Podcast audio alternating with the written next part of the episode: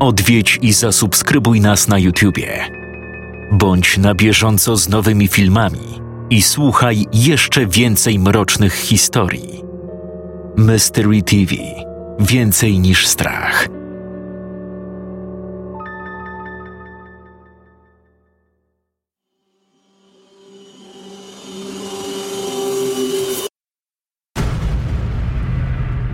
Siedmiu autorów.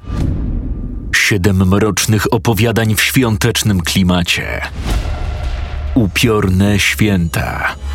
Tylko na www.mysterytv.pl.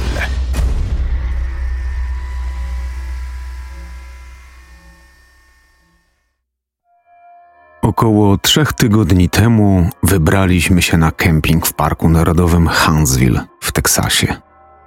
Znamy się bardzo dobrze, więc często gdzieś razem wyjeżdżaliśmy. Tym razem chcieliśmy się zapuścić wręcz do serca puszczy. Żyć jedząc złapane ryby, pijąc wodę ze strumienia i takie tam.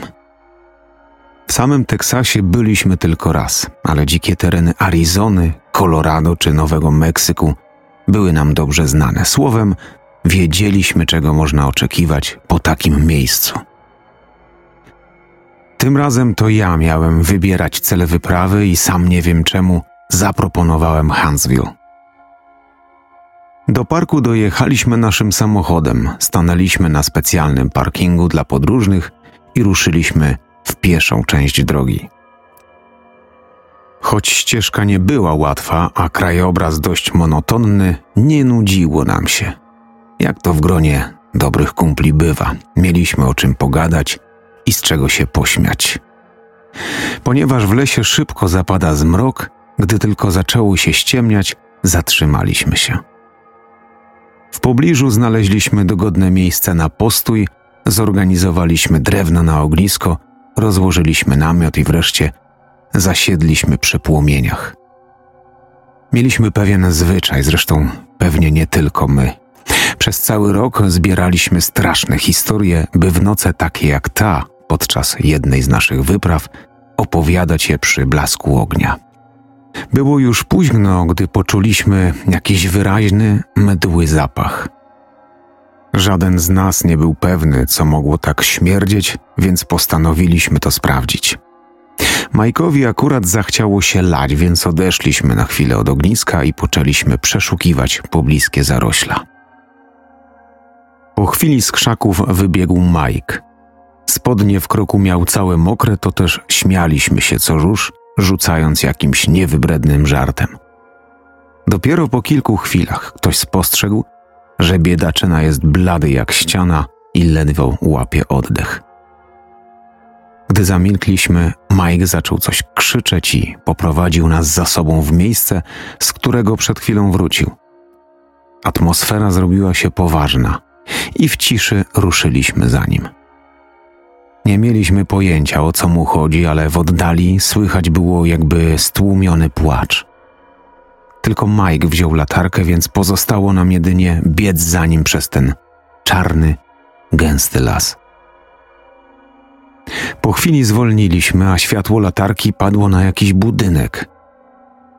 To był stary domek letniskowy, czy coś w tym stylu, zaniedbany i raczej opuszczony. Przynajmniej tak wyglądał, ale to właśnie z za tych ścian dochodził odgłos szlochania. Zwolna podeszliśmy do drzwi frontowych, a serca biły nam coraz mocniej. Mike ostrożnie zastukał i w tym samym momencie płacz nagle ucichł. Czekaliśmy, słysząc ciężkie, powłóczyste kroki zmierzające w naszym kierunku. Gdy ucichł, rozległ się zgrzyt zasów i brzdęk zdejmowanych łańcuchów. A potem cisza. Zupełnie nic się nie stało. A sytuacja wydawała się coraz dziwniejsza. Zapukaliśmy jeszcze kilka razy, ale domek wyglądał teraz na naprawdę opuszczoną ruderę, w której nikt nie był od lat. Obeszliśmy go w koło, oczywiście trzymając się razem. Czułem, że sam bez latarki od razu zesrałbym się ze strachu. Po chwili zauważyliśmy okno. Alex wziął głęboki oddech i stwierdził, że zajrzy do środka, ale musimy go podsadzić. Podszedłem tam razem z Majkiem i podnieśliśmy go. W ciszy obserwowaliśmy, jak zdejmuje z szyby pajęczyny i przykłada do niej dłoń, by móc cokolwiek dojrzeć. To stało się tak nagle. Usłyszeliśmy ciche uderzenie, po czym Alex w jednej chwili krzyknął i odepchnął się od okna. Przewróciliśmy się do tyłu razem z nim. Zaczął się wydzierać i miotać, miał w oczach istny obłęd. Na nic nie zdały się nasze próby uspokojenia go, gdyż już po paru sekundach biegł w stronę obozu. Musieliśmy biec za nim, była tylko jedna latarka, a żaden z nas nie chciał zostać sam wśród ciemności. Gdy w końcu dotarliśmy, złapaliśmy go za bary i usadziliśmy na miejscu. Ogień dogorywał, więc dorzuciłem trochę chrustu. Ręce trzęsły mi się i nie wiedziałem, co mam robić. Kręciłem się w kółko, a gdy trochę ochłonąłem, podszedłem wraz z innymi do Aleksa. Chcieliśmy wiedzieć, co się stało. Niestety nie mógł wykrztusić żadnego słowa, sapał tylko ciężko, pustym wzrokiem wpatrując się w ciemność. Wszyscy byliśmy przerażeni i nawet nie myśleliśmy o śnie. Podtrzymywaliśmy ogień do wschodu słońca. Alex zachowywał się jak obłąkany.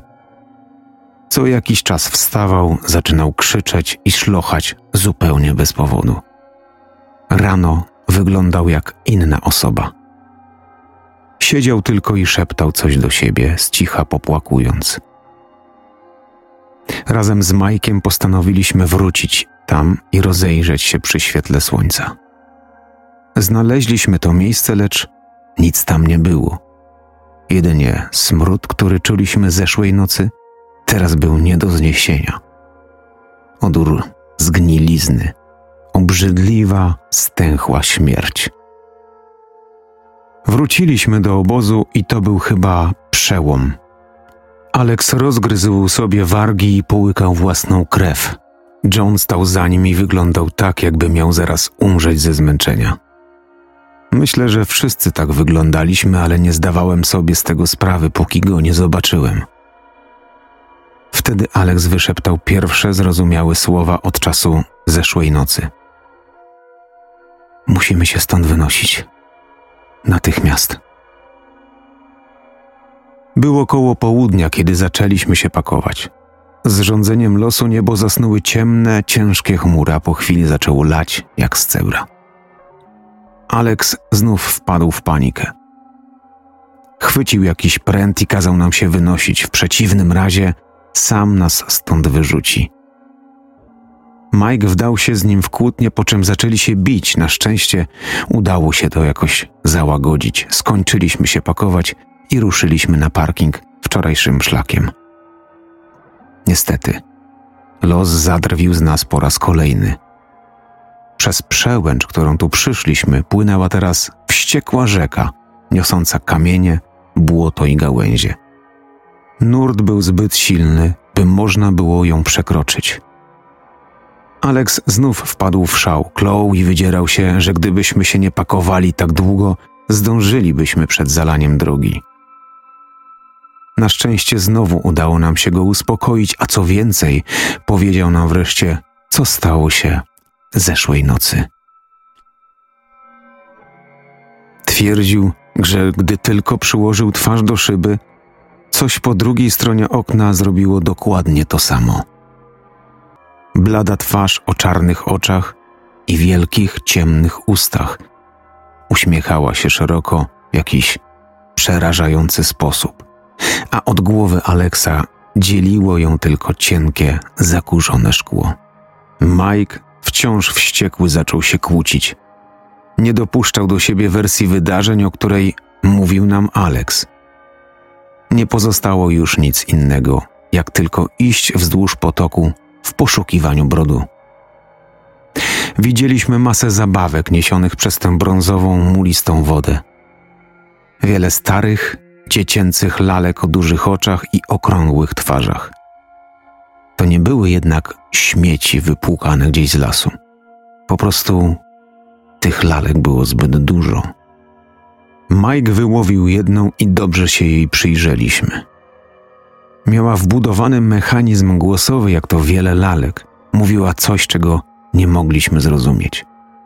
Bełkotała, to śmiała się na przemian. Pomyśleliśmy, że to przez wodę albo po prostu baterie siadają. Wyrzuciliśmy ją i poszliśmy dalej. Słońce zbliżało się ku horyzontowi, a Alex znów dziwnie się zachowywał. Mamrotał coś i oddychał ciężko, tak jak wcześniej. Wtedy wszyscy zaczęliśmy widzieć jakieś cienie pomiędzy drzewami, na które mówiliśmy PS. Były ledwo widoczne, jednak nie dawały nam spokoju i przynosiły uczucie strachu czy niepewności, coś w tym rodzaju. Byliśmy zajęci obserwowaniem BS, kiedy nagle przed nami pojawiła się ta stara chata. Nie wiedzieliśmy, co o tym myśleć, jedynie Mike ruszył naprzód, mówiąc: Jakieś bzdury, wchodzę tam. Alex rzucił się na niego, by go powstrzymać. Wszyscy chcieliśmy go powstrzymać. Mike jednak odtrącił nas od siebie i wrzasnął, byśmy się od niego odpierdolili. Niech każdy robi co chce, przecież to bzdury. Wtedy wszystkie te lalki z potoku zaczęły płakać, bełkotać, próbowały nawet nucić jakąś przerażającą melodię. W powietrzu znów czuliśmy ten ohydny zapach zgnilizny. Nawet Majkowi zmiękły nogi, więc szybko obeszliśmy dom i w pośpiechu szukaliśmy brodu lub czegokolwiek, co pozwoli nam się stąd wydostać. Gdy wreszcie dotarliśmy na parking, księżyc świecił słabo z zachmur. Wsiedliśmy do samochodu i natychmiast ruszyliśmy. Chcieliśmy wjechać na drogę numer 45 do Houston, jednak trwały prace remontowe. Był objazd, niestety szutrowa droga prowadziła wprost w ciemny las. Niespodziewanie do naszego samochodu podeszła mała dziewczynka. Powoli zbliżała się do drzwi pasażera, patrząc na nas błagalnym wzrokiem. Wyglądała na zagubioną i nieco poobijaną, więc myśleliśmy, że oddaliła się od jakiegoś obozu, a przez noc i ulewę nie wiedziała, jak wrócić. Jedynie Alex nie stracił głowy albo stracił ją już wczoraj i zamknął szybko drzwi. Dziewczynka przyłożyła twarz do szyby i zaczęła uśmiechać się jak klaun. Szeroko, w ten przerażający, zupełnie niezabawny sposób. Myślałem, że serce wybije mi żebra. Alex szlochał i panicznie wrzeszczał. A ja nadepnąłem pedał i ruszyłem w szalonym tempie przez tą wyboistą drogę. Udało nam się dotrzeć do czterdziestki piątki i jechaliśmy nią aż do mojego mieszkania. Tam, gdy żaden z nas nie wiedział, co powiedzieć, rozdzieliliśmy się. Mike napisał mi jakiś czas później, że chce tam wrócić. Próbowałem go przekonać, żeby tego nie robił, ale on uparcie twierdził, że to tylko nasze umysły spłatały nam figla. Myślę, że chciał sam sobie coś udowodnić, może, że jest odważny, nie wiem. Ja wszędzie czuję ten odór.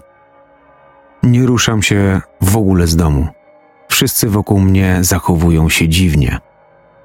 Ludzie, których znam od bardzo dawna i zupełnie przypadkowe osoby, wszyscy patrzą na mnie inaczej.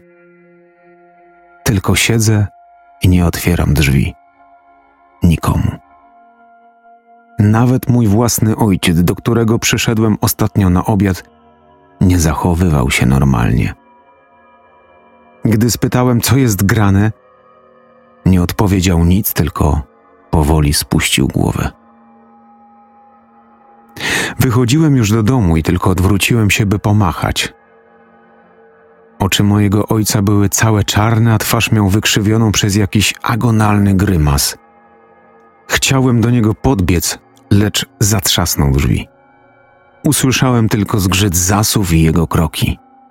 Pukałem, a potem waliłem w drzwi, ale nic to nie dawało, więc zadzwoniłem do niego. Telefon miał wyłączony, więc spróbowałem połączyć się z policją. Gdy dyspozytor odebrał i zadał kilka pytań, w słuchawce zacząłem słyszeć szmery. Potem czyjś bełkot i cichy, przerażający chichot. Mike jakby kompletnie się rozpłynął. Nie było nawet dowodu na to, że kiedykolwiek żył. Próbowałem skontaktować się z Aleksem, jednak jego rodzina traktowała mnie jak jakiegoś akwizytora. Twierdzili, że nie znają kogoś takiego i żebym tu więcej nie przychodził. I pomyśleć, że mówiła to jego własna matka. Mieszkanie Johna stało zupełnie puste. Pewnego razu ktoś zapukał do mych drzwi. Chciałem spojrzeć przez wizjer i gdy zbliżyłem do niego oko, ujrzałem straszną, białą twarz z tym przerażającym, obłąkanym uśmiechem, dosłownie na pół twarzy. Wtedy spróbowałem znów zadzwonić na policję. Dyspozytor pytał: Czy jest pan pod wpływem jakichś środków odurzających? Odpowiedziałem nie. Czy planuje pan w najbliższym czasie wrócić do domu? Co proszę? Wrócić do domu. Powtórzył i połączenie się zerwało. Do skrzynki pocztowej listonosz co róż wrzuca mi kawałki lalek. Gdy próbuję do kogoś zadzwonić, jedyne co słyszę w słuchawce to jakaś przerażająca melodia, chichot, czasami rozdzierający krzyk. Mój telewizor nie działa, ale gdy wchodzę do toalety, słyszę, jak idzie w nim teleturniej, chyba na cały regulator. Wydaje mi się, że wariuje. Ludzie, którzy żyją w mieszkaniach obok, również przeraźliwie krzyczą, tupią w podłogę, a czasami słyszę, jak coś ciężkiego upada na ziemię. U moich sąsiadów z prawej strony słychać płacz dziecka. Przeraźliwy, jakby nie jadło od bardzo dawna. Brzmi podobnie do głosu lalek, którym padają baterie. Raz zadzwonił do mnie Alex, ale mówił w języku, którego nie potrafię zrozumieć ani nawet powtórzyć. Na skrzynkę mailową przychodziły mi dziwaczne wiadomości, a w załącznikach znajdowały się małe, czarne obrazki. Słyszę pukanie do drzwi, czasami zgrzyt zasów. Wtedy doskakuję do nich, by sprawdzić, czy aby na pewno są zamknięte.